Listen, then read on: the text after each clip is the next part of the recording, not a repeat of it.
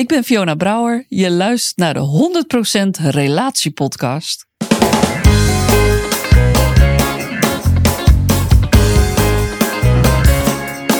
Hey, wat goed dat je luistert. Hij staat weer voor je klaar. Je wekelijkse dosis inspiratie is weer daar.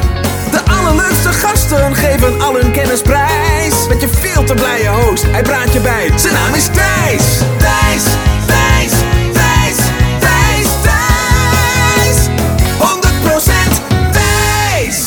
Welkom bij episode Intense 177 met Fiona Brouwer.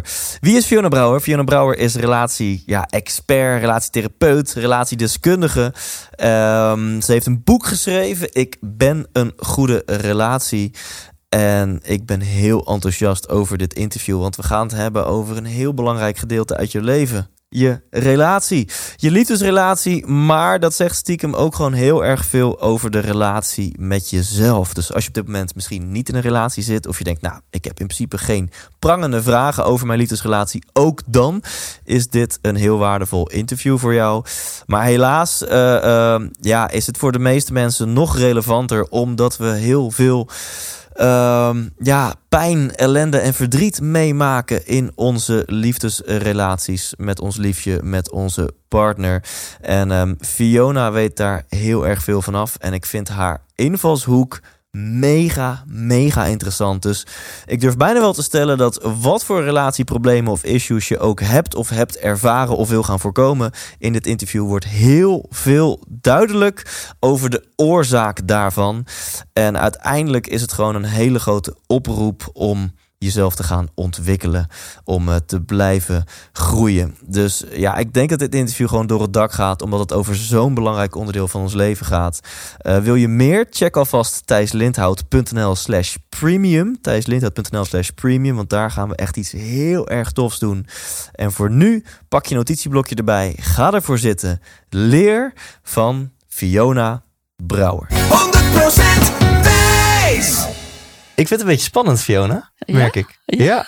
Want? Nou ja, ik denk, we, we, we kennen elkaar natuurlijk. Jij bent Ja. eh, moeder van mijn goede vriend eh Sydney Brouwer. Ja. Dus mensen dachten misschien wel aan de hand van de naam. hey, is daar een link? Ja, die is er.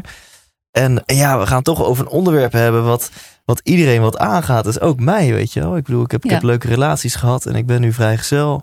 En daar komen ook alle, alle, alle verlangens en angsten bij kijken. Dus ik, ja, ik merk dat ik het spannend vind om het te gaan hebben over, over liefde, misschien wel seks en relaties. Ja, mijn motto is altijd: leven is relatie. Er is Ja. nooit een moment dat je eigenlijk niet in relatie bent. Dus ook als je alleen bent, ben je eigenlijk aan het denken over relaties vaak. Met andere Ja. mensen. En ook ja, de relatie met jezelf is natuurlijk ook een hele belangrijke. Ja, nou Ja. dat is misschien wel een mooie link naar je boek waar we het zo over gaan hebben. Ik ben een goede relatie. Ja. En dan toch even voor mijn autistische luisteraar en ook voor mezelf, gewoon even die vaste eerste vraag. Fiona, wat wil je worden als je later groot bent? Ja, ik moet, er, ik moet erbij lachen. Omdat het, ehm, ik moet gelijk aan jouw grote vriend denken, aan Sydney, mijn zoon. ja. Want dat werd ook gevraagd. Hè, dat wordt aan kleine kinderen gevraagd. Wat wil je laten worden als je groot bent? En Sydney keek dan heel verbaasd de mensen aan van... Mezelf. Ja, ik vind het meest briljante antwoord wat je kan geven. Ja. Want hij kon zich niet voorstellen. Wat ga je dan anders worden dan jezelf? Moet je dan iemand anders worden? Ja. Dus ja, mezelf, dat vond ik altijd een heel mooi antwoord. Ehm, en als ik naar mezelf kijk, van oké, wat wil je worden als je later groot bent? Ik denk dat ik ehm, leuke gesprekken wil hebben met uitdagende mensen over. Stel dat het zin heeft. Dus alles waar we het vandaag over gaan hebben. Stel nou dat het zin heeft en dat je het van tevoren gekozen hebt. Dat, Wat- Ja, wat, Ja. Wat, die, wat die vraag, want ik ben stil, omdat die gewoon, die, die moet even, je, je bent nu zo'n bol met sneeuwvlokjes aan het schudden met zo'n vraag en dan landt dat. Stel dat het zin heeft Nee, stel dat, ja, dat het zin heeft en, en, dat je het zelf gekozen hebt. ja, En dat kan je heel spiritueel zien, maar je kunt ook helemaal down to earth brengen. En Want ik, het is ook een vraag die ik in een bedrijf zou kunnen stellen. Ja, nou ik wil je mis, want eh, op spiritueel vlak kun je het hebben over je dat je bewust uh, uh, een zielenbestemming en een leven, bla bla bla. En, en sommige mensen denken, ja, Thijs gaat erover hebben. En andere luisteraars denken nu, ja, pak je bezem stil en, en zweef lekker weg. Ja. Hoe, hoe kan je dit dan praktisch maken, deze twee vragen? Nou, omdat je het. Uh, ik weet dat heel veel mensen er bang voor zijn om een stel dat het anders is dan wat zij denken. Om je uit je um, zeg maar box te halen zou je bijvoorbeeld een filmscenario kunnen bedenken, een stel dat scenario. En daar heb ik altijd wel een aantal vragen bij. Dus bijvoorbeeld, um, stel dat jouw gedachten niet van jou zijn. Dat is natuurlijk al een vraag die. Hoezo niet van mij? Ja. Ik denk ze toch. Ja, ja, Nou, stel nou dat we iets gaan maken ja. en dat het is dat de gedachten niet van jou zijn, maar dat je intuned op een bepaald level, bepaalde frequentie waar die gedachten zijn. Nou, dat brengt je op hele andere manieren van denken. En wat ik denk is dat de wereld eraan toe is om eens gewoon op een hele andere manier te gaan denken. Want het zit behoorlijk vast Mhm. hoe wij denken, hoe dingen in elkaar zitten. En, en- en wat maakt dat je denkt dat de wereld een betere plek zou zijn? Of dat mensen misschien zelfs meer geluk zouden ervaren als ze wat meer zouden realiseren van hé, hey, wat nou als mijn gedachten misschien helemaal niet mijn gedachten zijn? Omdat je dan eh ernaar kan kijken in plaats van te denken dat jij het bent. Hmm, ja. Net zoals als je een liedje op de radio hoort, ja. Jij denkt niet dat jij het bent, je hoort dat liedje. Of als je een rode auto voorbij ziet komen en nog een, dan denk je, oh, een rode auto. Zo kan je ook over je gedachten denken. Ja. Oh, daar heb je die gedachte weer. In plaats van, dit is wat ik denk. ja. En het dan heel serieus te nemen. Terwijl je kan denken van, oh, wacht even. Ik ben weer ingetuned Ja. op zo'n soort zender. En ik kan ook veranderen van Ja. zender.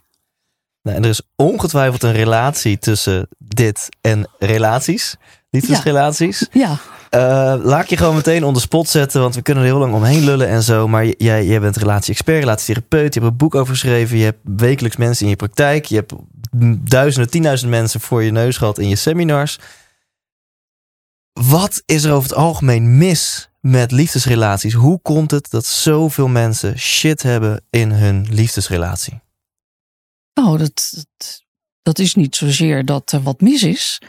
Er is ehm, geen bewustwording over ontwikkeling. Dat we als mens moeten ontwikkelen. Ehm, ik denk dat wij behoorlijk achterlopen op wat we kunnen eh, ontwikkelen, zeg maar op wetenschappelijk, op technisch, op allerlei gebied. Ehm, zelfs he- hele groot gevaarlijke dingen. Daar hebben we het morele ehm, ontwikkeling niet voor gemaakt, maar we kunnen het wel maken. Dus dat is gevaarlijk. En ehm, we zijn heel veel bezig geweest om de wereld te bouwen, de wereld goed te maken, de wereld leefbaar te maken, de wereld ehm, dat het dan al onze behoeften voldoet, al dat. Daar hebben we heel veel tijd aan besteed. Maar volgens mij zijn we behoorlijk eh, vergeten om aan persoonlijkheidsontwikkeling te werken. En dat is wat je tegenkomt in een relatie. Twee mensen komen bij elkaar. Eh, die komen niet zomaar bij elkaar, want daar kunnen we het zo dadelijk over hebben. Van hoe eh, vinden die elkaar nou? Daar zit ook een hele plan eigenlijk achter. Ehm, en die, die vinden elkaar. En dan verwachten we, want dat is de truc van de natuur. Die doet daar een sausje overheen. Maar dat sausje duurt, is maar heel kort. Ik noem het vaak ehm narcose van de natuur. Je krijgt een lekkere shot. Voelt je helemaal geweldig. Ik heb een gevoel van dat ik je altijd al gekend heb. Gevoel dat je al mijn behoeften begrijpt. En dat je me helemaal gaat nou, geven wat ik kan. Seks is fantastisch. We kunnen geweldig praten. Nou, dat is wat verliefdheid is. En dat is nodig. Het is nodig voor ons als mensen om die verliefdheid te hebben. Anders, als we zouden weten wat erop zou volgen, Ik voel hem aankomen, ja. zouden we er niet aan beginnen. ja. Als we dat zouden realiseren. Als je op een eerste date zou voelen hoe hard het werken is en, en, en wat voor negatieve eigenschappen die ander allemaal heeft en hoe erg jij jezelf gaat tegenkomen in die relatie, dan en wat eh, een gedoe het allemaal zal worden. En dat heeft de natuur, God, wie het ook Ja, wil noemen, ja, spiritueel, Ja. die heeft daar een truc op bedacht. En dat heet Dan verliefdheid. gaan ze gewoon even foppen die eerste drie maanden. Ja, nou, het kan tot anderhalf jaar duren. Maar als je eerder samenwoont, dan is het sneller voorbij. Want dan kom je Ja. elkaar eerder tegen. Die, die eh, kan ik bij deze eh, beamen. Ja. Ja. Maar ook als je ouder wordt, dan heb je natuurlijk al wat achter de rug. Dan is de verliefdheid ook sneller over. Ja. Ja. Nou, laat, want dit is echt, je triggert nu al zoveel vragen. Ik heb echt zin in, de, in het komend uur. Ja. Maar even een vraag tussendoor, want die, die, die herken ik wel eens bij mensen. eh, want je hebt het over wat oudere mensen die al wat meer hebben meegemaakt. Dertigers, veertigers, vijftigers, misschien eh, nog Ja. ouder. Ehm, en, en die zitten wel eens met de vraag, ja, kan ik nog wel verliefd worden? Is het bij mij gewoon misschien op? Wat is jouw visie daarop? Ehm, je kan bang worden ervoor natuurlijk. Hè? Eh, als het een aantal keer mis is gegaan. En zeker met een groot liefdesverdriet. Dat je een soort beslissing neemt van ik begin er niet meer aan.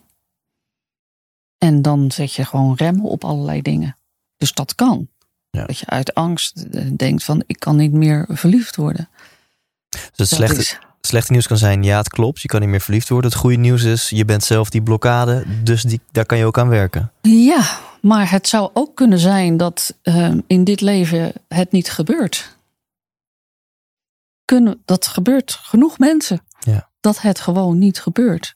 Ja, en hoe gaan we dan kijken? Ja, dan gebeurt het niet. En dan gaat het erom, hoe ga ik mijn leven inrichten... dat ik toch een goed leven kan hebben zonder dat ik een relatie Ja. krijg.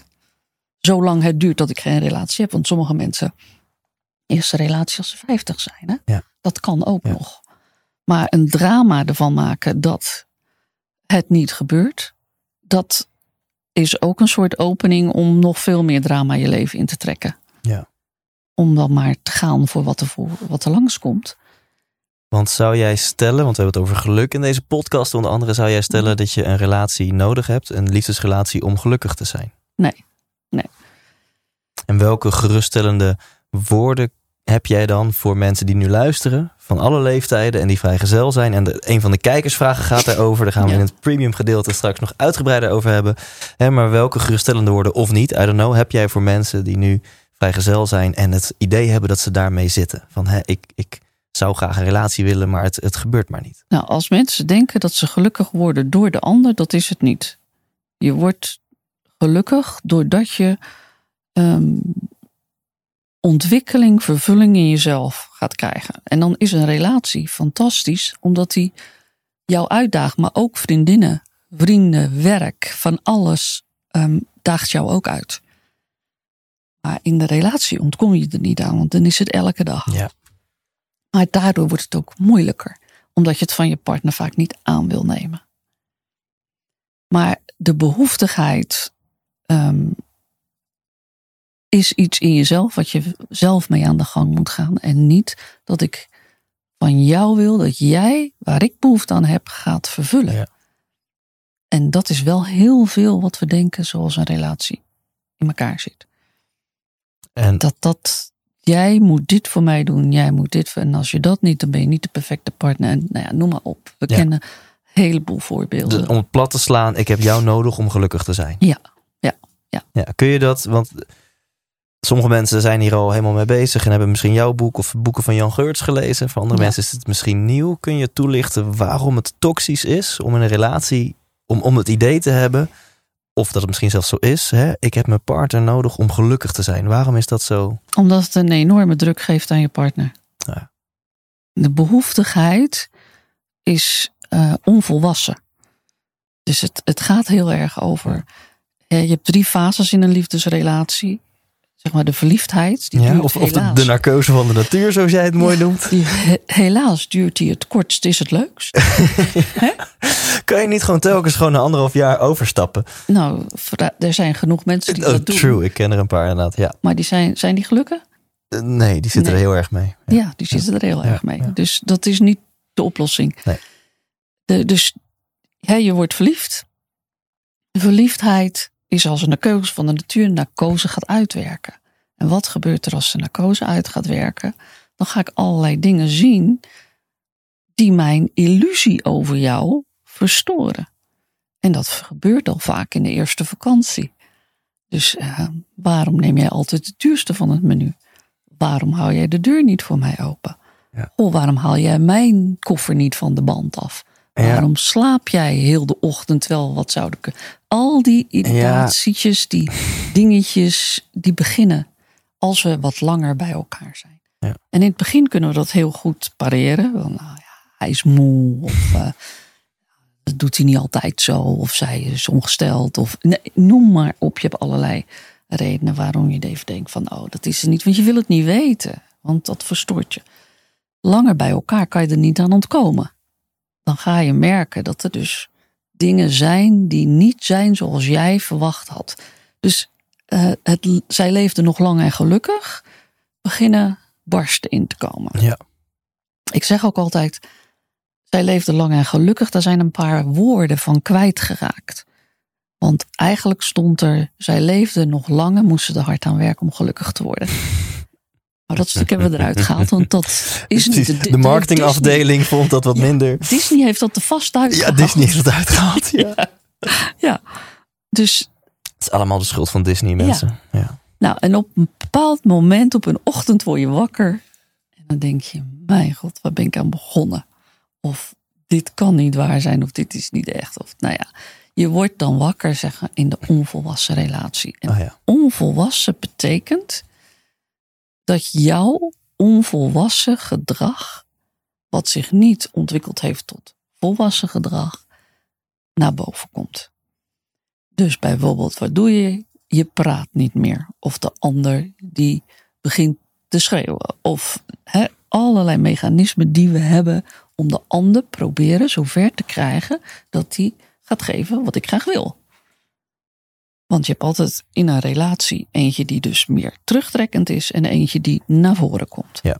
Dus een miniseerder, die maakt de dingen kleiner. Zegt dat het allemaal wel meevalt. Zegt de dingen ook niet zo. En je hebt de maxiseerder die alles groot maakt. En het altijd over altijd wat jij doet. Heeft. Ja. En nu zijn de meeste vrouwen die zijn maxiseerders. Die maken de dingen groot. En de meeste mannen zijn miniseerders. Worden koud, afstandelijk. Zeggen niks. Soms met af en toe een explosie eruit. Maar je hebt ook... eh, Dit resoneert totaal niet eh, trouwens. Hè. Geen idee. ja, eh. herken niks. en natuurlijk heb je ook maxiserende mannen. Ja. Die zijn, dat is heftig, want die zijn groot en veel aanwezig. En dat is voor mij ook soms moeilijk om ze hun mond te laten houden. Omdat Mhm. de mannelijke energie daarbij zit. En je hebt ook miniserende vrouwen die dus koud en afstandelijk Ja. zijn. Wat voor de maxiserende man heel aantrekkelijk is. Om ze toch te proberen Ja, daar te krijgen waar ze ze hebben willen. Even, kunnen we hier al iets, iets van een wijsheid of een inzicht... of misschien zelfs een tip aan koppelen voor de luisteraar? Hè? De man en vrouw die luisteren denken... ja, laten we even voor het uitgaan dat die ook merken... ja, shit, de man in onze relatie is inderdaad een miniseerder... en de vrouw is de maxiseerder. Weet je. Ku- kunnen we de luisteraar al iets concreets mee gaan geven? Alleen al dat te zien is al heel belangrijk. Mooi. Ja. dat je jezelf in een van de twee. En eh, de miniseerder komt af en toe met explosies. Maar de, de maxiseerder, die heeft eigenlijk de klacht voortdurend voor in de mond liggen. Ja. Die heeft elke dag wel de klacht. En de miniseerder, de man, die zegt meestal: kijk eens wat we allemaal al hebben. En ja. de maxiseerder zegt vooral: kijk eens wat we nog niet, Wat er allemaal mis is. wat er allemaal mis is. En wat kunnen we van elkaar leren? Eh, je moet natuurlijk alle twee naar het midden komen. Je moet ophouden. Hè, de, eh, het is een mooi beeld wat ik soms teken. Dat is van de, de schildpad en de hagelbui. En eh, de hagelbui die komt eraan. Hè, dat is zeg maar de maxiseerder. Die begint te hagelen. En een eh, schildpad die loopt daar op zijn gemak over de weg. En die ziet die hagelbui en die denkt... oh, ik ga naar binnen Oh trek mijn poot in. En de hagelbui denkt, oh, ik krijg geen reactie daar beneden. Ik ga nog harder hagelen. En eh, ja, je moet gaan toch naar buiten komen, ook al hagelt het. En de hagelbui moet weten, ik moet ophouden. Wil, Wil die naar buiten komen? precies, ja. Dat is dus al een heel belangrijk om dat te kunnen zien. M- Mensen gaan vanavond ineens tegen een partner beginnen over hey schildpad Ja. of hey hagelbui. Ja. Mooi. En Dester, ehm, als, we, als we het zo dadelijk gaan hebben even Ja, over van waar komt Ja, dat nou ja. vandaan.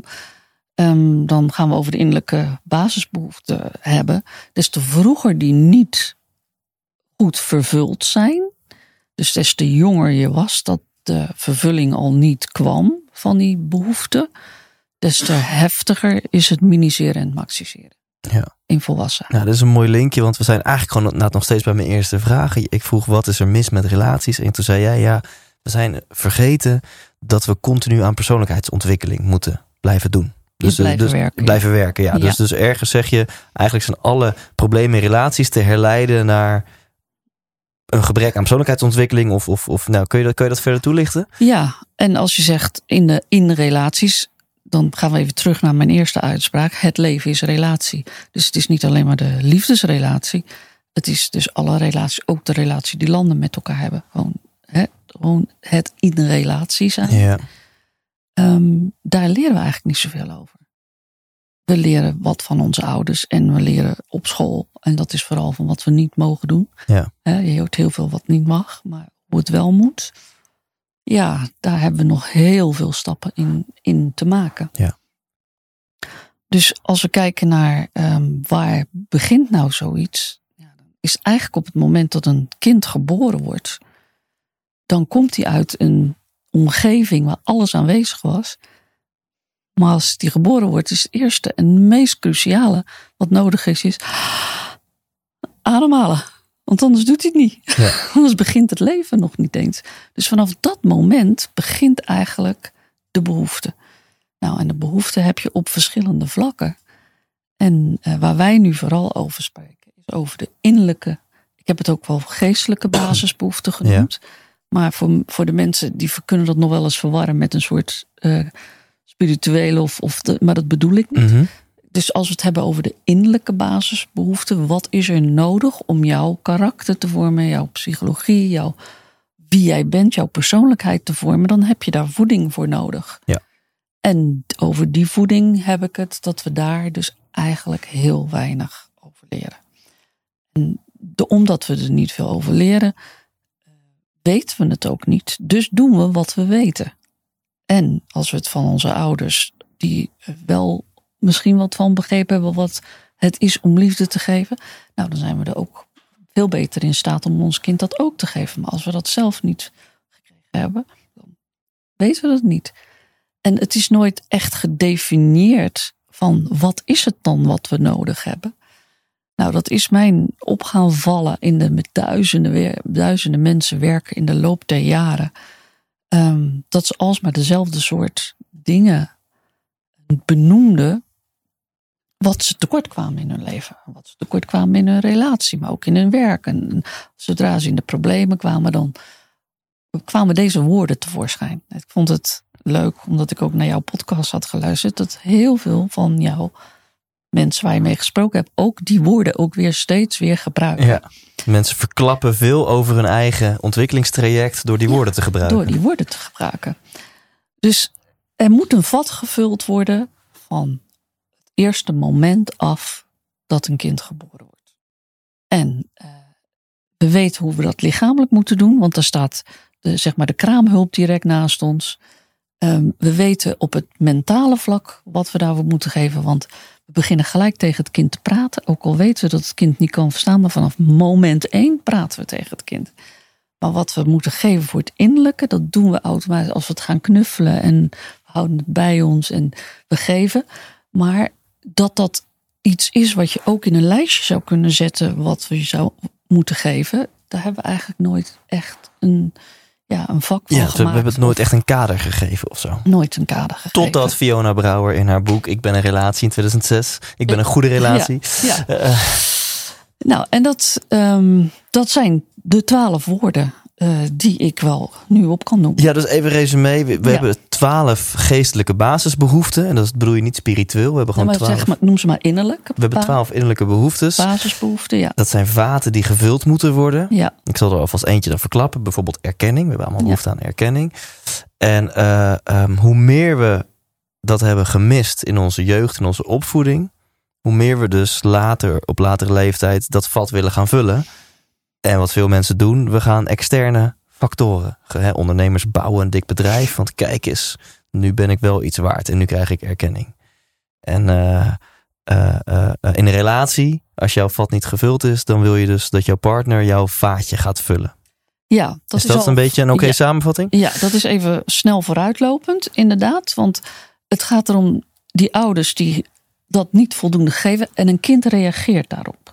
Reageert erop als die bijvoorbeeld geen erkenning, bewondering, aan, aanmoediging, begrip, dat zijn er ook nog een aantal, niet krijgt, dan reageert een kind daarop. Het ene kind die leert zichzelf aan om terug te trekken, omdat hij merkt van als ik niks zeg, dan is de kans dat ik het alsnog krijg. Of ik, als ik, ik ga heel lief zijn, ik ga pleasen, ik ga doen wat mama zegt, Ja. wat papa zegt. Dus die wordt meer die kant op. En een ander kind die wordt heftig. Ja. ja. Die zegt, die, die gaat een heleboel heisa maken. Maar een kind kan niet benoemen wat hij nodig heeft. Ja. Dus, en als de ouder het niet kan lezen wat hij nodig heeft, het niet in de gaten heeft, niet kan aanvoelen wat hij nodig heeft, dan krijg je het niet. Dus als je het niet voldoende krijgt, dan in volwassen leven houdt het niet op dat je het vat wil vullen. Ja. Maar nu is de hele vervelende. Je kan het maar van buitenaf gevuld krijgen totdat je volwassen bent. Dus zeg maar tot je twintigste, 21ste jaar. En daarna kan het niet meer gevuld worden van buitenaf. En dat leren we nergens. Dus wat we doen, we voelen ons zeer gerechtigd dat we in relatie onze partner onze behoeften moeten vervullen. En dat zijn dezelfde behoeften die we nog steeds niet vervuld hebben gekregen vroeger. Ja. Alleen in volwassenheid hebben we er dan wat meer variatie op van hoe dat dan gedaan moet worden. Hè. Eh, bijvoorbeeld op seksueel gebied, maar op allerlei gebieden denken wij dat moet gebeuren. Maar het is niet alleen in de ehm, relatie, het is ook op je werk. Ja. Het is ook het bouwen. Als ik dit ben, als ik dit word, als ik er zo uit ga zien, als ik mooi genoeg ben of groot genoeg ben of weet ik het slank genoeg ben, noem maar op, dan ga ik het allemaal krijgen. ja. Grote teleurstelling is, dat gaat helemaal niet gebeuren. Want dat is de strategie die we hebben geleerd. Tot ons 21ste kan je die wel degelijk uit je omgeving halen. Hoofdzakelijk van je ouders. In elk geval de eerste paar jaren van je leven. En als je dat dus niet krijgt, ga je ander gedrag vertonen. Dat kan of pleasen zijn of juist irritant gaan lopen doen. Nee, dat leer je al aan vroegs af. ja, dat leer je Ja, precies. Heel vroeg. Dus je gaat geen ander gedrag vertonen, Oh. hetzelfde gedrag. Alleen je gebieden worden groter. Maar je hebt dat gedrag aangeleerd om een van die behoeftes toch te gaan krijgen. Ja, En ik noem dat dus je negatieve eigenschappen. ja, dat, ja. En, en dan na je 21ste is dat gedrag hopelijk wel wat volwassener geworden. Je gaat niet eh, aan de gordijnen lopen hangen op je werk omdat je aandacht wil. Eh, maar, maar na je 21ste heb je dan nog steeds dat negatieve gedrag om die vaten te vullen, maar je kan het niet meer vullen. Je kan ze niet meer vullen door ze van buitenaf te krijgen. Ja, ja. Dus ehm, kijk, we worden veel meer trucken gaan we inzetten in volwassenheid. We gaan hele trucken bedenken van hoe kan ik nou dat toch van jou krijgen. Ja. En dat zie je ook in de relatie, dat we daar voortdurend mee bezig zijn. Ja. Als ik nu niks tegen de zeg, de, vanmiddag niet tegen de praat, nou dan voelt ze het wel. Ja. Bijvoorbeeld. Maar lieve Fiona, laten we ook zo het lijstje opnoemen. Ja. Ik kan zelf zeggen, maar ik denk dat het voor iedereen geldt. No fucking way dat we al deze dingen hebben ervaren vroeger. Dus Ja. we zijn allemaal fucked. Nou, dan heb je gelijk je antwoord. Waarom zijn er zoveel relaties die niet goed? Ja, Omdat we allemaal fucked zijn. omdat we allemaal eh, niet in de gaten hebben dat onze negatieve eigenschappen het gedoe in de relatie. En de negatieve eigenschappen komen voort uit onvervulde innerlijke behoeften. Z- Zullen we ze gewoon eens opnoemen? Ja. Eh, opnoemen? Nee, aan jou, je, je, Ja? aan jou de eer. De, de auteur herself.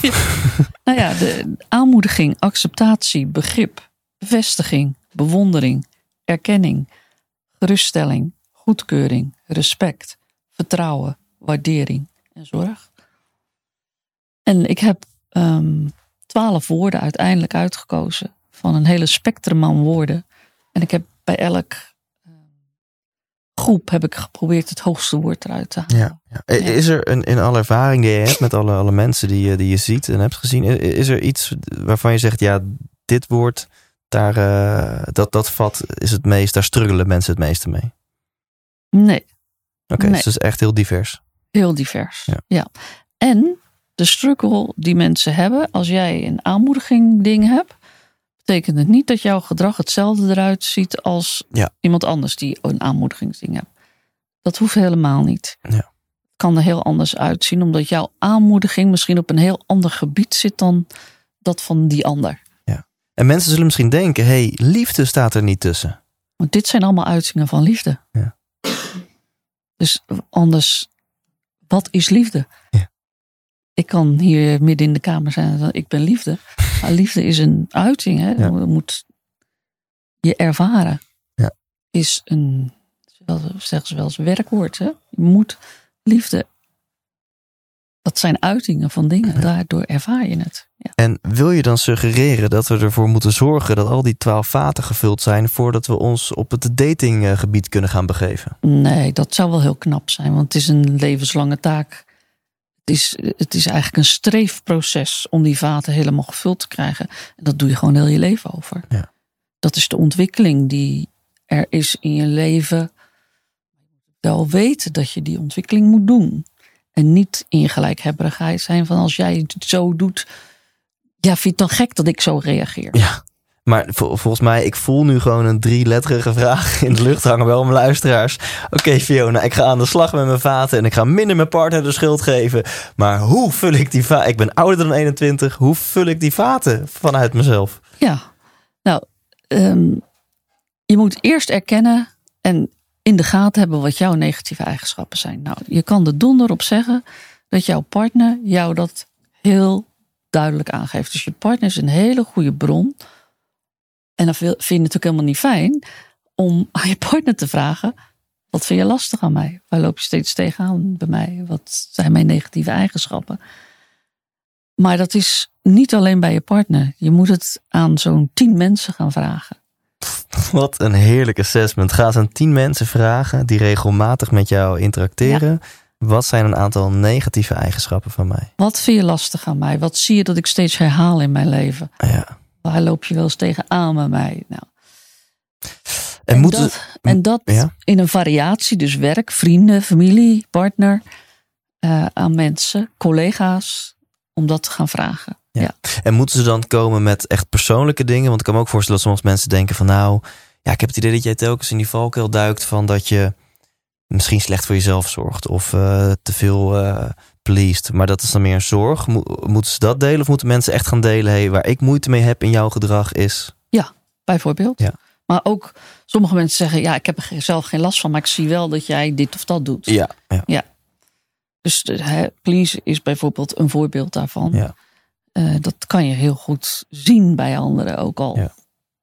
Denk je van, nou, kijk, je hebt er zelf last van in de mate dat het bij jou ook resoneert.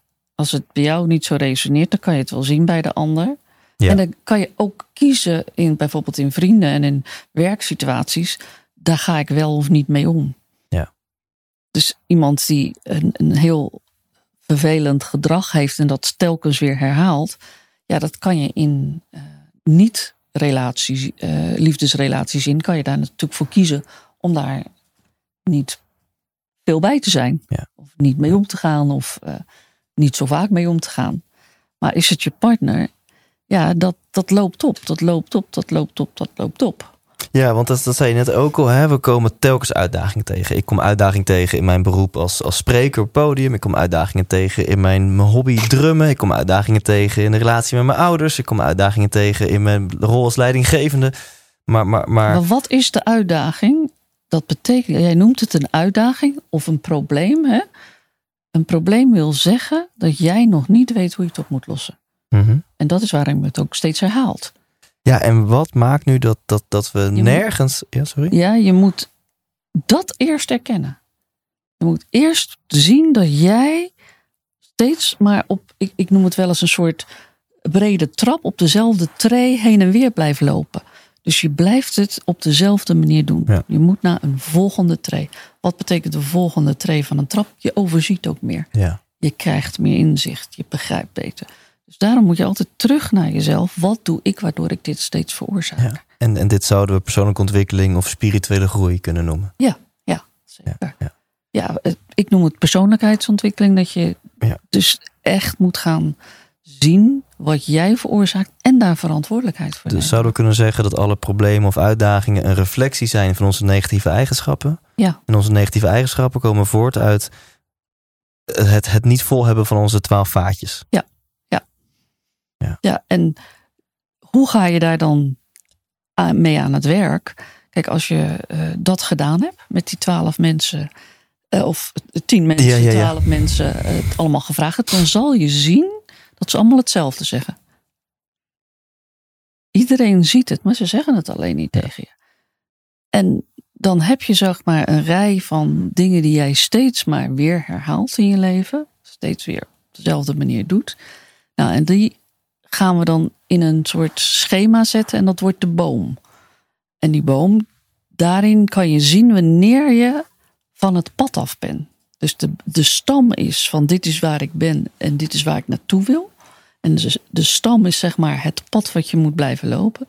Maar er zitten allemaal zijwegen en dat is wanneer je je automatische gedrag eigenlijk weer die negatieve Ja. eigenschappen ingaat. En elke dag zou je kunnen zien waar je dat weer gedaan hebt. Ja. Als je dat schema zou maken. Staat beschreven ook in het boek van hoe maak je die boom. Ja. En, en dit is wel even ballen op tafel om even die tien e-mails te gaan sturen. Nee, mag niet e-mails. Persoonlijk gesprek. Persoonlijk gesprek. Persoonlijk gesprek. Nog heftiger. Wauw. Eh, Heb jij dit eh, gedaan? Ja. Ja. Wat, hoe, Ja, hoe, het hoe is... eh, Want, want mensen die scheiden nu alle kleuren. Ik ken mijn luisteraar, die denken, fuck, dit wil ik doen. Ik voelde de, de, de desire, het verlangen om dit te doen. Ja. Maar ik vind het minstens even eng. dus help die mensen eens. Hoe, hoe was het om dit te doen? Nou, dat is voor veel mensen is Gaat dat. het goed met de opname? Top. Voor veel mensen die vinden het. Sommige mensen vinden het heel leuk. Jeetje. Het is ook vaak leuk. Omdat jij niet gewend bent dat je zo'n vraag van mij krijgt. En ehm, soms ben jij bang om het tegen mij te zeggen, want je weet hoe ik ben. Je krijgt hem terug. Weet je wel, dat ik je wel terugpak. Mhm. Daar zijn mensen bang voor. Ehm, Die geven mensen een hele veilige omgeving om even Ja. te zeggen wat, wat, waar ze misschien wel mee zitten. En ehm, dus ouders willen het soms niet zeggen. Ja. Maar sommige ouders willen het heel graag zeggen. Want die zeggen wel, hè, eindelijk wil je een keer luisteren. Hier wachten we ons hele leven op. eindelijk. Je Ja. vraagt er nu zelf om. Maar er zijn ook ouders die niks zeggen. En je alleen maar een hele... En die gelijk zeggen, jongen, je moet niet bezig zijn met al die negativiteit. Daar moet, daar moet je helemaal niet naar kijken. Want dat zullen ook veel mensen zeggen van... Hè, ja, wat ben jij nou aan het doen? Je gaat toch niet naar de negatieve kant kijken? Nee. Je gaat naar die negatieve kant, want dat is waar Ja. de problemen in je leven door veroorzaakt Ja. worden. En het gedoe veroorzaakt wordt. En sommigen vinden het heel erg leuk en vragen van... Goh, zou je het voor mij ook willen doen? Ja. Wil je mij het ook Ja, teruggeven? Tof. Dus ja, het is spannend. En ook bij collega's te vragen. Het is spannend, maar je merkt dat er ook een heel ander soort gesprek gaat ontstaan. En ook daarna vaak kunnen we op een andere level gelijk intunen met elkaar. In plaats van onze oppervlakkige gesprekken. Ja, de- dus de gesprekken aan zich zijn al hele waardevolle momenten en groeimomenten. Ja, ja. Eh, en wat, wat doe je daarna met de informatie die je verzameld hebt? Nou, dan ga ik je laten zien dat elke negatieve eigenschap er een behoefte achter zit. Dus de vraag is: Hmm. waarom doe je dit? Wat probeer je nou eigenlijk te krijgen als je zo doet? Kan jij een, iets noemen van bijvoorbeeld van jouzelf? Ja, Een zeker. Dan, dan, dan, dan is dat. eh, dan, dan zou het in de richting kunnen zijn van eh, te veel gefocust op, op werk, hè? Ja. op succes. Ja. En, en wat dan een persoonlijke frustratie van mensen in mijn omgeving zou kunnen zijn. Bijvoorbeeld van mijn ouders, van mijn broer. Van hey, je bent slecht bereikbaar of we zien je zo weinig, weet je wel. Ja, ja. Dus dan is het de negatieve eigenschap eh, weinig aandacht voor je familieleden. Ja, dat is wat ze noemen. Dat ze noemen, ja. Zo noemen ze het. En dan als je naar jouzelf kijkt, is ehm, wat probeer jij nou te krijgen door zoveel te werken? Ja, dat is niet heel moeilijk. Omdat, eh, dat is absolute erkenning Ja. en waardering. Eh, die staat, oh ja, staat er ook op. Ja, dat is absoluut erkenning en waardering. Ja. Nou, en dan laat ik je vanuit daar kijken. Van, kan je ook zien dat je waardering en erkenning niet voldoende vroeger gekregen hebt? Ja, Dat zien. ja. Ja. En eh, als je dat dus kan zien, en sommige mensen kunnen het niet zien, maar doordat we dan een gesprek er meer over gaan hebben, komen ze er wel achter van: oké, dat is iets inderdaad. Want ze zeggen wel eens, ja, mijn moeder had volop. Maar dat volop kan ook zijn op de manier zoals je moeder vond dat ze het wil. En niet waar jij behoefte aan Ja. had. Dus daar zitten Ja. allerlei nuances in. Ja. En het gaat hier helemaal niet om ouders verkeerd te maken. Helemaal niet. Het gaat erom van dat jij van jezelf begrijpt. Want als we dat eenmaal weten, hoeven we daar niks meer mee te doen. Want we gaan het daar vandaan niet helen. We gaan het niet helen vanuit dat ik het alsnog van mijn ouders moet krijgen. Ja. Dat hoeft allemaal helemaal niet.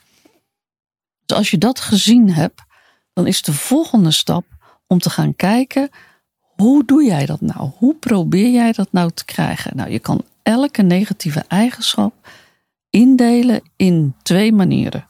Je doet het op een politieagentachtige manier of op een chageraarachtige manier. Begrijp je de twee woorden? Als ik chageraar zeg, weet je dan. En- nee, is, dat, is dat een oud-Hollands woord? Ja, ehm, een chageraar is iemand die op allerlei manieren dit doet en probeert te krijgen wat hij Is het manipulatief? Manipulatief, dat is één woord ervoor. Ehm een con artist zeg je in Engels. Het, het is iemand. Een, een beetje een, eh, je maakt er een Eh, spel van of zo? Of, ja, of een, een, een ja, acteer... Een eh, bedrieger ja. doet dat ook, weet je wel. Je erin luizen. ja. Nou, dat heb je.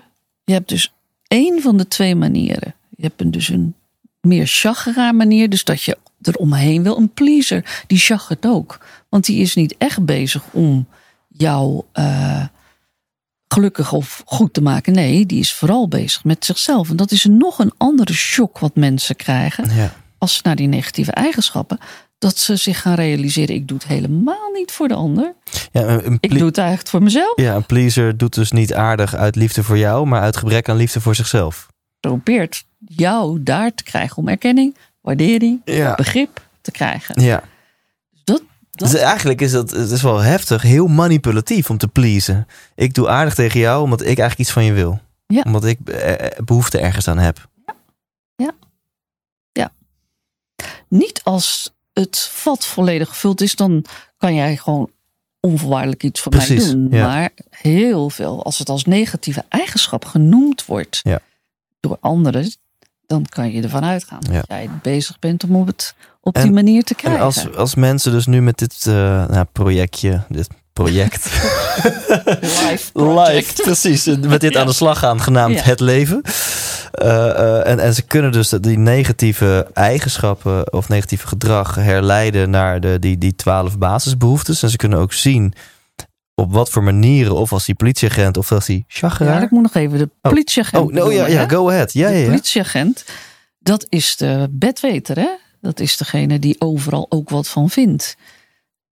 Er zijn mensen die overal wat vinden, vinden dat ze wat van moeten vinden, anders ben je niet bij de tijd of hoor je er niet bij. Of, eh, maar het vinden van is een soort lijm die al je problemen op zijn plek houdt Hmm. overal maar wat van te vinden.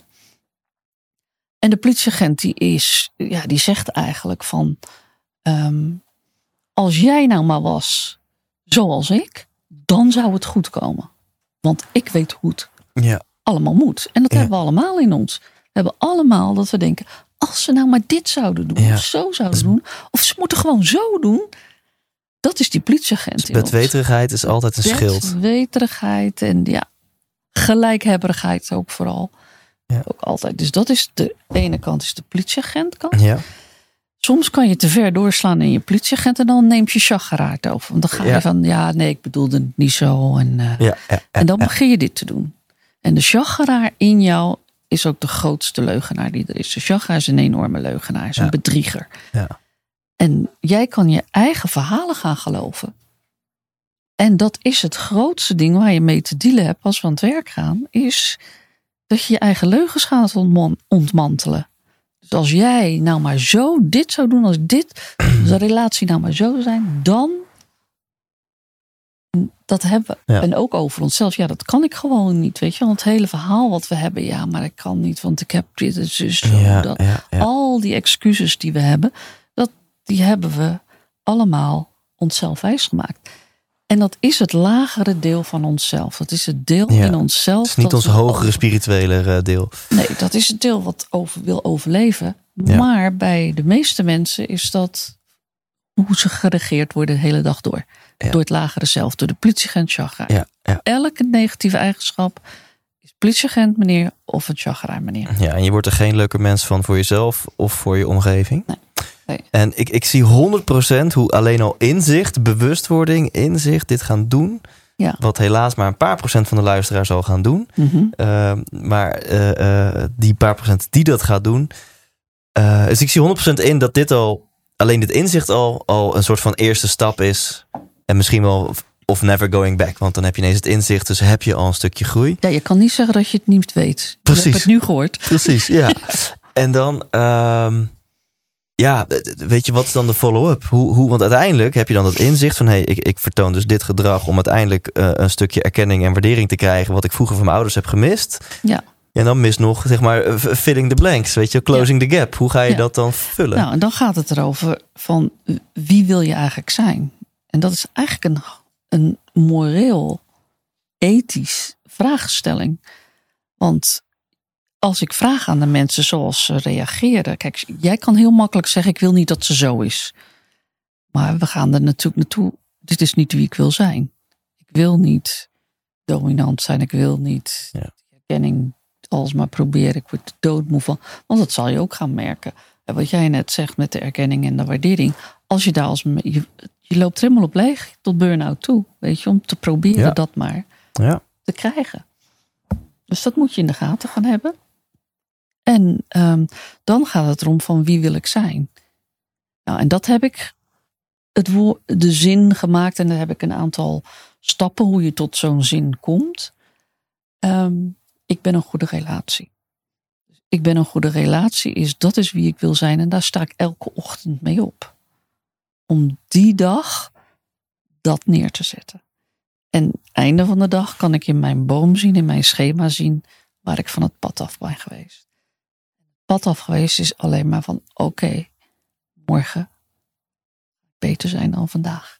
Dat is eigenlijk waar je ook met z'n tweeën heel erg ja. mee aan het werk gaat. Ja. En het duurt een tijd voordat jij mij erop mag aanspreken. Dat merk je ook. Dat, dat is in het traject met mensen. Kijk, als mensen al behoorlijk gevulde vaten hebben, die gaat het hardst. Omdat die maar inzicht nodig hebben. En die hebben veel meer ruimte, zeg maar, um, liefdesspace tussen hun in. Waarin ze uh, de, het vruchtbaar kunnen maken. Dus het onkruid eruit halen. En de vruchtbaarheid weer terug kunnen Ja. brengen tussen hun twee. Is omdat die vaten al behoorlijk gevuld zijn. Dat is niet bij zoveel mensen. De meeste mensen hebben behoorlijke lege vaten. Ja. En die zijn maar bezig dat jij mijn vat moet vullen. Ja, ik, ik, een, een vergelijking die ik wel eens maak, is dan, en die wordt dan heel tastbaar, hopelijk voor veel mensen.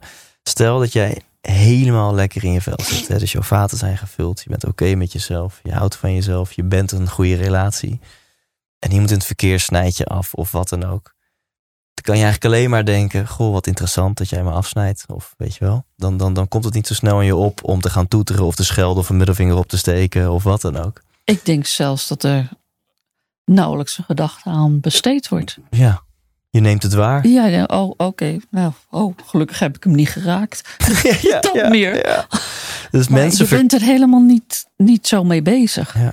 Met wat anderen allemaal doen. Ja. Het is die verantwoordelijkheid die je steeds weer neemt voor jou. Van hoe reageer jij? Dus uiteindelijk, hè, als je dit, dit nou, ik zou bijna willen zeggen, deze spreadsheet hè, voor jezelf, Ja. hè, die, die, die, die, dat pad van, van gedrag naar, naar wat is dan de, de diepere behoefte die je probeerde te, te krijgen. Dan, dan, dan is de taak van, hey, met als leidraad in je boek heb je daar gewoon een methode voor. Om erachter te komen, wie, wie wil je eigenlijk zijn? Want je wil niet je negatieve gedrag zijn. En ik, wat ik daar bijna in hoor, is het ontwikkelen. Hè? Dus Ja. echt, je, je, je bent, laten we zeggen, geboren met niet met die negatieve eigenschappen. Die heb je als wikkels heb je allemaal om je heen ge- gemurwurmd. En nu ga je zien, fuck, die wikkels zijn helemaal niet wie ik ben. En ga je die wikkels weer eraf halen. Ja, ja, ja. En ehm, door een zin te hebben wie je werkelijk wilt zijn, als dat zeg maar de sturende kracht is in je leven, dan wordt je leven gewoon anders. Ja. En dat is niet van vandaag op morgen, want elke keer zal je ook weer teru- even terugvallen. Maar dan kan je veel meer zien als je dit fundament hebt, kan je alles terugbrengen naar het fundament. Ja. Oké, wat ben ik aan het doen? Het is de chageraar. Wat probeer ik weer te krijgen? Waar zit ik nu? En wat is een stap die ik kan maken? En, en vervolgens, als je die zin hebt, elke ochtend de keuze maken. hey, ik ben een goede relatie. En dan Ja. even contact maken met die zin die jou doet herinneren aan wie jij echt bent, slash wil zijn. Ja. Ja. Ja. En Kijk. Daar maken we een heel plan mee. Als we dus met, een, met de mensen zitten, ja, dan maken we daar een plan mee. Als we, dit, als we dit fundament hebben gelegd, dan gaan we pas over de problemen praten. Je snap ik. En ik denk inderdaad dat mensen die nu luisteren, dat, dat ze dit even inspirerend als frustrerend eh, vinden. Deze podcast zal ongetwijfeld iets met relatie in de titel krijgen. En denk zo, oh, ik krijg nu tips.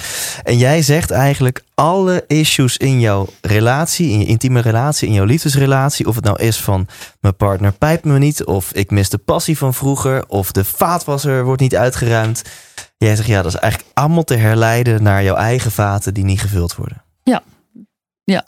En als je dat in de gaten hebt, dan kunnen we het erover gaan hebben. Want Ja. dat betekent niet dat we niet een, iets gaan regelen hoe we met dingen omgaan. En hoe jij. ehm, kijk, we, we moeten vruchtbare grond maken waarin we dus de liefde kunnen laten eh, groeien. Ja. Dat is belangrijk. En dat we daar beide respect voor hebben en, en mee aan de gang gaan. Maar het teruggaan naar je eigen verantwoordelijkheid, dat is het allerbelangrijkste. Telkens weer teruggaan. En dat betekent niet dat er niks aan jou mankeert. Maar ik moet wel kijken van wat veroorzaak ik. Ja. En op een bepaald moment moet er zoveel vruchtbare grond mogelijk zijn. dat jij aan mij vraagt: van goh, als ik het weer doe, wil je het dan tegen me zeggen? En dan zal Ja. ik onmiddellijk stoppen. Ja. Maar we, dat duurt even, want als ik het tegen je zeg en je zegt: ja, en jij dan? Als jij dat niet zou doen, wat, Precies. dan zou ik dit niet doen. Ja. Nee, maar dat is een- ik neem mijn verantwoordelijkheid wel, maar jij niet. Ja. Ja. En dan val je weer terug in de oude zooi. Ja. In de oude zooi. En hè, daar staat ook onder andere de theorie in mijn boek over de drie breinen.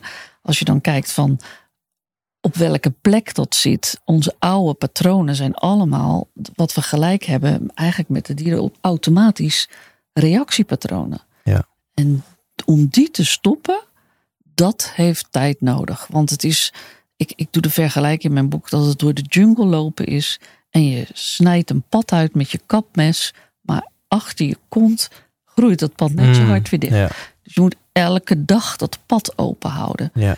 Nou, en terugvallen in je oude gedrag, wat je al jarenlang doet, is eigenlijk een snelweg, goed verlicht, goed asfalt, waar je heel snel, die pak je gewoon heel snel. En wat je moet doen, is dat snelweg niet meer pakken, zodat het ja. asfalt gaat breken en de onkruid tussen komt, de lampen kapot gaan.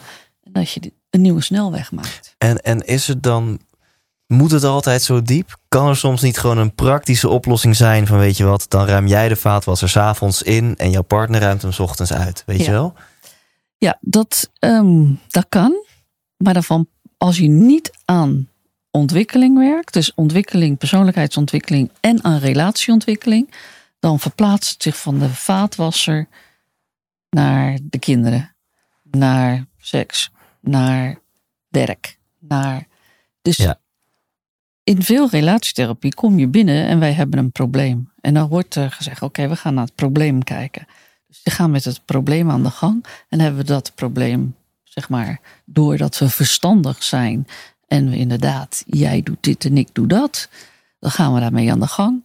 Dan verplaatst het zich van dat van binnen. Die behoeftigheid is niet opgelost, Ja. is niet nagekeken. Dus hij, het is een ander onderwerp, verschijnt dan gewoon in een ander onderwerp. En, en, Of en we houden het gewoon niet vol. ja, want wat is, soms kan natuurlijk ook uiteindelijk, of niet, dat is een vraag, de, de conclusie zijn, ja sorry, jullie passen niet bij elkaar of dit, dit werkt niet, jullie deze twee mensen samen. Ja, kan je je voorstellen dat als een, een stel bij mij komt en ze hebben vooral die vraag, dat ik niet zeg, ik ga hier aan de gang om jullie bij elkaar te houden. waar ik mee aan de gang ga, is dat je in ontwikkeling gaat en jezelf gaat begrijpen. En dan ga jij de keuze maken of dat jullie bij elkaar. Ja. Dat is een andere keuze dan dat jullie nu diep in je negatieve, negativiteit naar elkaar zitten en niet begrijpt waar dat vandaan komt. Dus we gaan eerst daaraan werken. Ja. En dan gaan jullie die keuze maken. Ja. Maar ik ga nooit mensen bij elkaar houden. Helemaal niet. Zij maken die keuze, maar de vraag is: maak ik de goede keuze? Dat is wel waar we mee aan de gang gaan. Ja, en wat ik mooi vind wat je eerder zei, is dat het helemaal niet de bedoeling is dat je jouw vaten hebt gevuld voordat je pas mag gaan daten of aan een relatie mag of kan beginnen. Een hele mooie metafoor vind ik. En, en volgens mij is, is, die, is die van Guido Weijers, of heeft hij hem in elk geval eh, naar zijn eigen hand gezet. Die heeft het over C'tjes en, en, en nulletjes. En eh, mensen met een, die een C'tje zijn, die zijn eigenlijk nog niet helemaal gelukkig. Die kunnen het geluk niet uit zichzelf halen. Mhm. Maar die vinden een ander C'tje en twee C'tjes op elkaar is weer een nulletje, is een rondje. Maar dan Ja. hou je het geluk uit de ander. Oftewel, even lang verhaal kort. Hij zegt, nou, word eerst een nulletje, een rondje, dat je geluk uit jezelf haalt. En dan kan je een ander rondje vinden. En dan kan je als twee ringen. Ja. Kan je een hele mooie metafoor. Mensen die dit op YouTube kijken, hebben nu mij met mijn vingers een poging zien doen om dat naar voor te doen. maar ik, ik vind het een mooie metafoor. Maar ik heb ook wel eens me daaraan geërgerd. Want ik dacht, ja, ik ben nu vrijgezel. Dacht ik, ja, maar Ja. moet ik dan af zijn? Moet ik eerst het rondje worden? Moet ik eerst helemaal perfect zijn voordat ik. En ik heb daar best wel eens mee gezeten en streng naar mezelf geweest. En een Ja. recentelijk inzicht van mezelf is: ja, maar volgens mij hoeft dat niet. Volgens mij is het helemaal oké als je met een partner aan jouw ontwikkeling eh, gaat werken. Als je dat samen doet, zeg maar. Zeker. Je gaat een partner vinden op het niveau waar je zelf bent. Want we hebben nog niet de verliefdheid besproken. Laten we even teruggaan naar de eerste fase. Helemaal oké, ja, ja, ja. De eerste fase is verliefdheid heeft namelijk verschillende componenten in zich. Eén is je valt op een bepaald type. Nou, daar kan je mij alles over vertellen. Wat is jouw type? Lang, blond, slank, klein, rond, donker. Het is een bepaald type wat jij leuk Ja. vindt. En bepaalde gedragingen die jij leuk vindt. Of een meer rustig iemand of een outgoing iemand. Of hè, rots in de branding voor de voor vrouw die dat. Of juist niet. Weet je, dat zijn allerlei kenmerken die jij op een positieve manier die voor jou leuk zijn. Onbewust is er iets heel anders aan de gang. Onbewust ben je namelijk op zoek naar iemand met een heel specifiek pakket negatieve eigenschappen. het exact tegenovergestelde van wat mensen met hun bewuste Ja. denken dat ze naar op Ja. zoek zijn. Ja. En die negatieve eigenschappen zijn hetzelfde of vergelijkbaar met de negatieve eigenschappen van je opvoeders. Dus ik ga op zoek naar iemand met gebrek aan erkenning en waardering. Juist. Die dat jou niet gaat geven. Mhm. niet voldoende gaat geven. Ja. ja.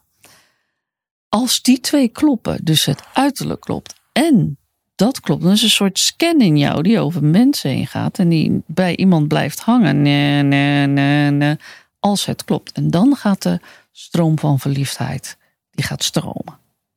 Dus verliefdheid is een teken dat je iemand hebt gevonden van hetzelfde level op dit gebied. ja, maar dan moet je, dan heb ik het over dat je echt verliefd bent eh, en niet omdat je weer een mooie vrouw. Want ik, Ja. het is vast jou ook wel eens gebeurd dat je een hele mooie vrouw had. Dat je denkt, hoe kan dat nou? Ik heb de mooiste vrouw van de wereld.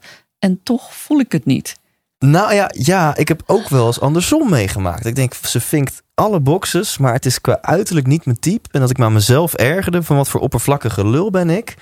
Dat ik nu niet verliefd word, want volgens mij is het qua innerlijk mijn droomvrouw. Ja, maar als je niet verliefd wordt, is er toch nog iets anders wat er niet, Ja, niet is. Dus die verliefdheid is wel cruciaal. Want als je vanuit verliefdheid elkaar gekozen hebt, dan heb je zeg maar een good match. ja, En dan komt na de verliefdheid absoluut de tweede fase.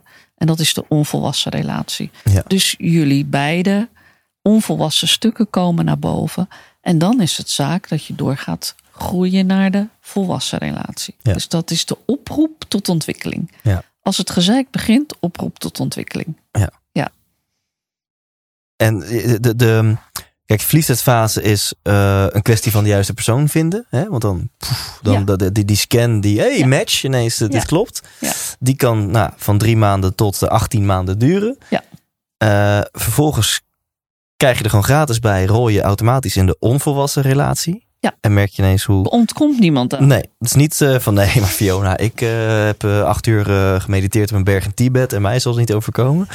Dat zei John Gray, hè? Ken je het verhaal van John Gray? Nee, vertel. Van mannen van Mars, vrouwen van Venus. Oh ja, dat is de, Die, hij, dat is de auteur. Ja. Ja. Ehm, die was vroeger monnik. En nou, hij woonde bij zijn moeder. En daar had hij nogal eens gedoe mee. Nou, toen ging hij op, in Zwitserland had hij een plek. En dan mocht hij mediteren. En daar had hij hele bijzondere ervaringen, vond hij. En ook het gevoel van nu kan, ik heb, zit zoveel Ja. liefde. Ehm, ik kan alles aan. Dus hij komt van zijn berg af en gaat het gewone leven weer aan.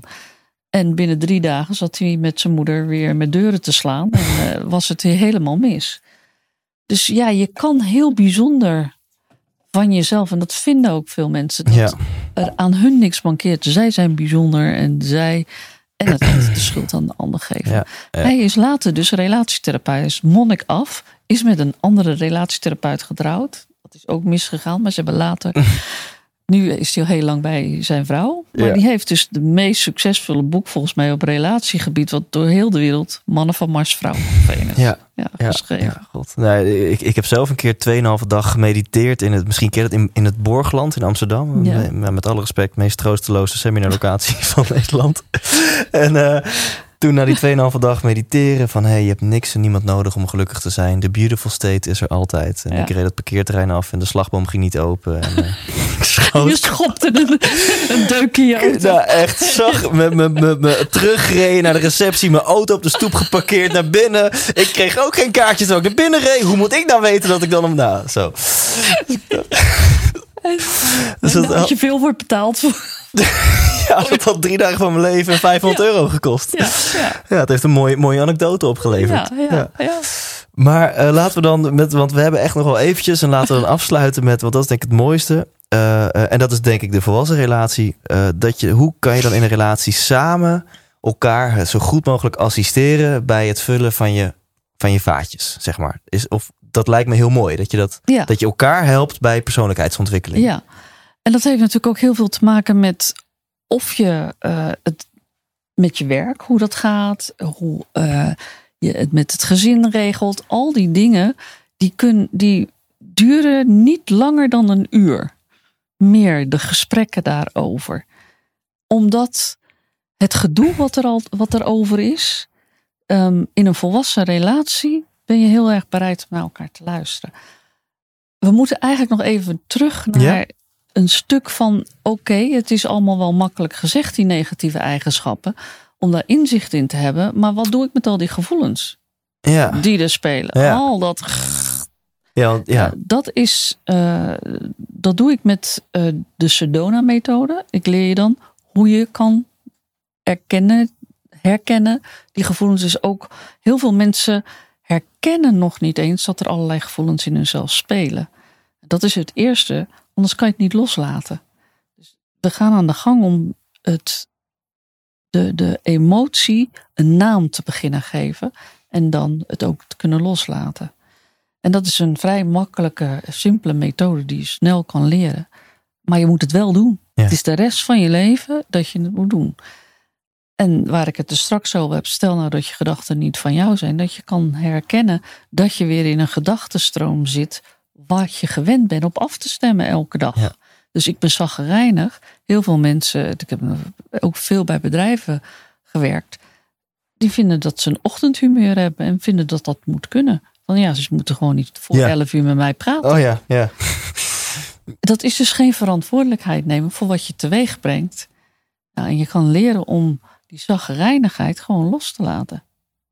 En die gevoelens die daar in je naar boven komen, te herkennen en ze los te laten. Ja.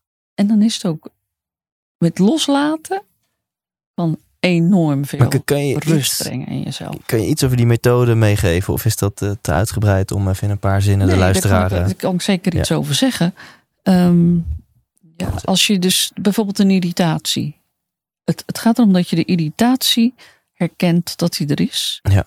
Ehm, er zijn natuurlijk twee manieren om je dagelijks schoon te houden. Dus in de gaten te hebben elk minuut van wat je eigenlijk voelt. De andere is dat je eraan werkt om diepere lagen te bereiken. Nou, met mij doe je dat meestal die diepere lagen bereiken. En ik kan je ook leren dat je dat thuis ook gaat doen. Maar dan moet je echt voor gaan zitten. En dan moet je de, zeg maar de eh, emotie uitnodigen. Hmm. Stel nou dat je onvoorstelbaar boos bent over iets. Ze hebben je iets geflikt en je bent ontzettend boos erover. Nou, dan kan je gewoon in je stoel gaan zitten en dan het toestaan. En dat is iets heel anders dan wat we gewend zijn. Dat je het uitleeft of het niet wil voelen. Dus erbij weggaan of je gaat het uitleven, je boosheid. Dat, dat doen we meestal. Maar nu gaan we echt zitten en we zeggen, kom maar. Ik ben eraan toe om werkelijk alles te Mhm. voelen wat te voelen is. Want je boosheid is namelijk niet iets van nu. Het resoneert altijd aan de tekorten en aan dingen van vroeger waar het ehm, de basis ligt. Ja. Dus alle emoties die we hebben zijn eigenlijk oud en niet van nu. Ze worden alleen maar ingedrukt nu. Je, zou kunnen zeggen, in jou zit een bak vol emotie die zit te wachten op een situatie zodat die kan resoneren. Die gaat boe, gaat. Nou, boosheid is er bijvoorbeeld eentje van. Dus er komt een situatie langs en boosheid gaat in jou. eh, En eigenlijk is dat resoneren een vraag aan jou om het los te laten. Maar omdat we het uitleven, dus de boel kort door klein of gaan schelden of weet ik veel wat allemaal gaan doen, daardoor doen we er alleen maar bij. Dus er komt nog meer bij. De andere kant is het negeren en dan onderdrukken we het. En, nou ja, en dan des te meer we onderdrukken, en dat zie je bij oudere mensen, hele onaangename oudere mensen, Mhm. ja, die steeds zuurder en steeds Ja. ja, die duwen het alsmaar weg. Wat wij gaan doen, is het uitnodigen. Kom maar. Dus daarmee dwing je jezelf eigenlijk om er naar te kijken. In plaats van het uit te leven of het te zijn. Dus je laat alles naar boven komen. En door begeleiding van mij, dan vraag ik: en wat is er nog meer? En gedachten, gevoelens, wat zie je? Dingen die voorbij komen. En dan is er, als je het na een paar minuten allemaal gezien hebt, en alles wat er nu is, kan je het loslaten. En je hoeft niks te doen voor loslaten, want daar, dat heb ik je van tevoren laten zien, dat je niks hoeft te doen, alleen maar toestemming te geven. Loslaten is alleen maar toestemming geven om het los te laten. En je lijf doet het allemaal vanzelf. Maar omdat je altijd die toestemming niet gegeven hebt, heb je het vastgehouden. Ja. Dus Ja, vasthouden kost energie, lijkt me. Loslaten ja, is ontspannen. Ja. En je voelt het letterlijk weggaan. Dus kan je het loslaten? Wil je het loslaten? En dan is de volgende vraag wanneer. En als je dan zegt nu, dan voel je hem gaan. Voel je hem zo loslaten. Dan gaat hij.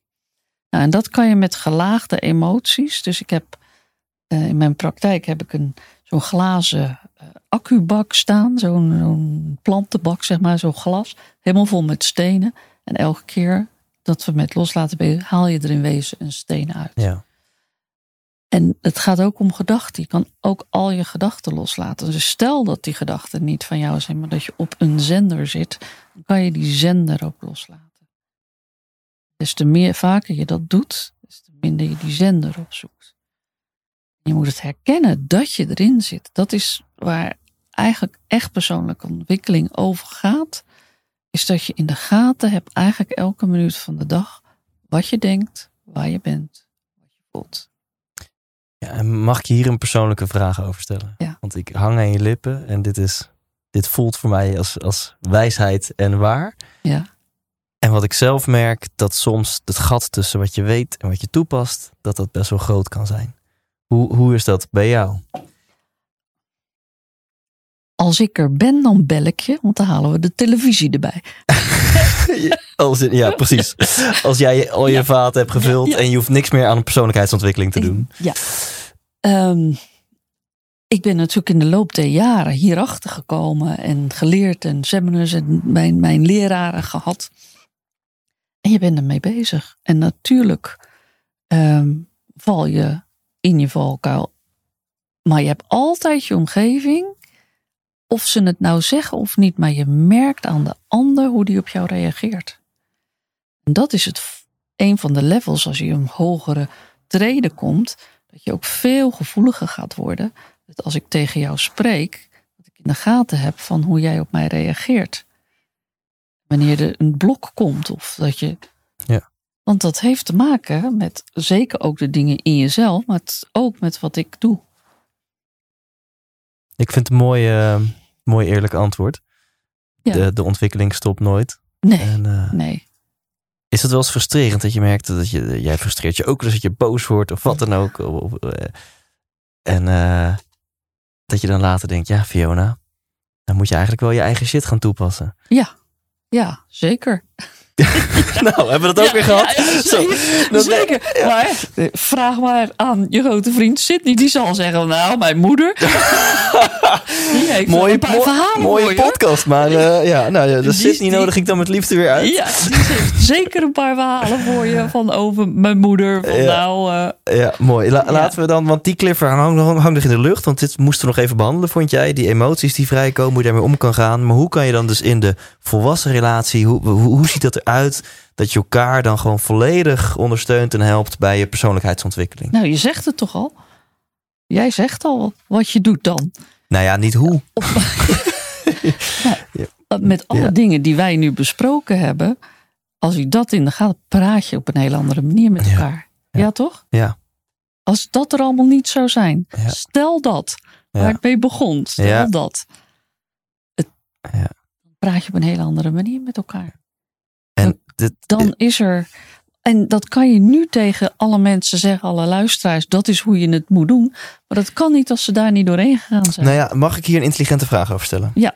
Want wat best wel het geval kan zijn bij veel van deze luisteraars, dat die 100% geïnspireerd zijn nu. En die willen dit, die, die hebben zoiets, ja, ik, ik, ik besef me nu, ik zit 100% in die onvolwassen relatie en ik wil naar die volwassen relatie toe. Die willen nu hun partner, want je zegt, hè, als je op dit level naar elkaar kan kijken, dan, hè, dan, dan duren gesprekken nooit langer dan een uur. Dan, dan weet je wel, dan, Ja, dan is het veel, veel nou, mooier, harmonieuzer. Maar de vraag waar ik naartoe wil is: heel veel mensen die deze podcast luisteren, hebben misschien een partner die niet zo into persoonlijke ontwikkeling is. Hè? Die vinden dat hele self-help maar zweverig of Amerikaans. Ja.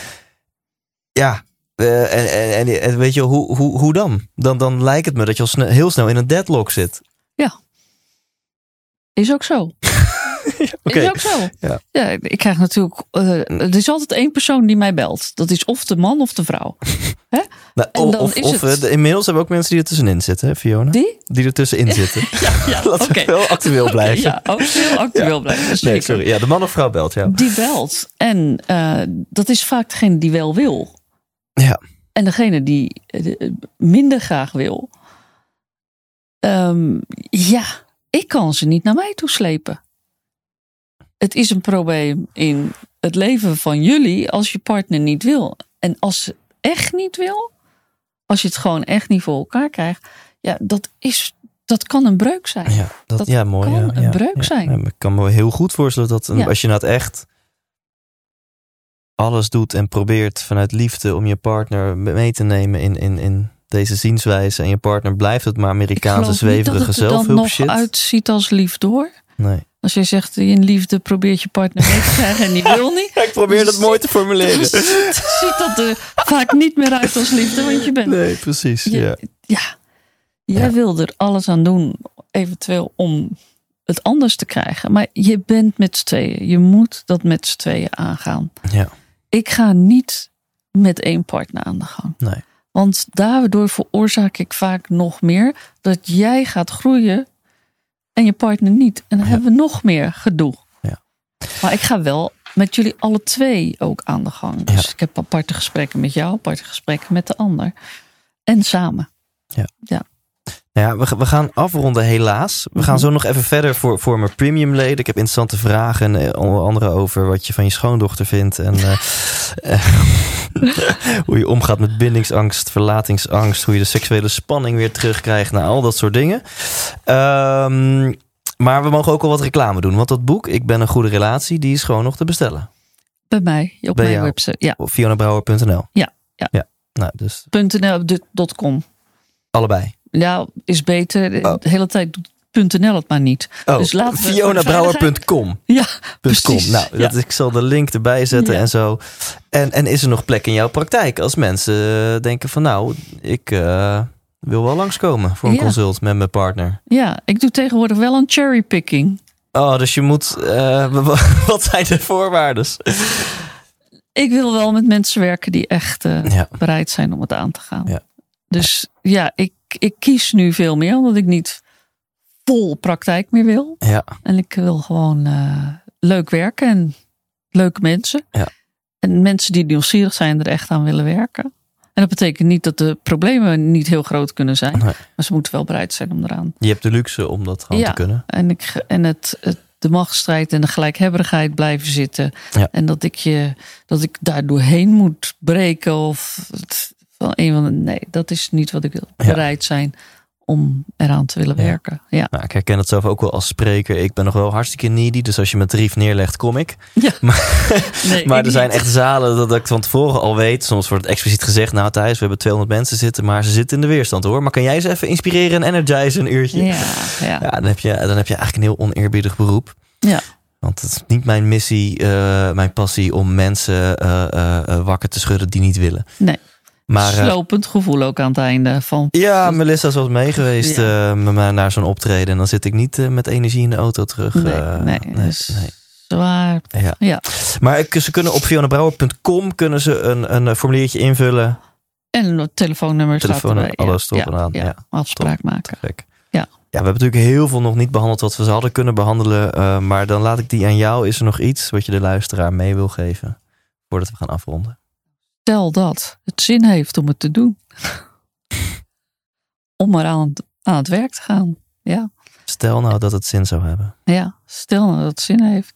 En stel nou dat je zelf gekozen hebt voor deze toestand in jouw leven. Wat roept jouw partner eigenlijk steeds bij jou op? Nou, Dat in- is ontwikkeling. dan is het interview er helemaal rond. Ja. Dankjewel.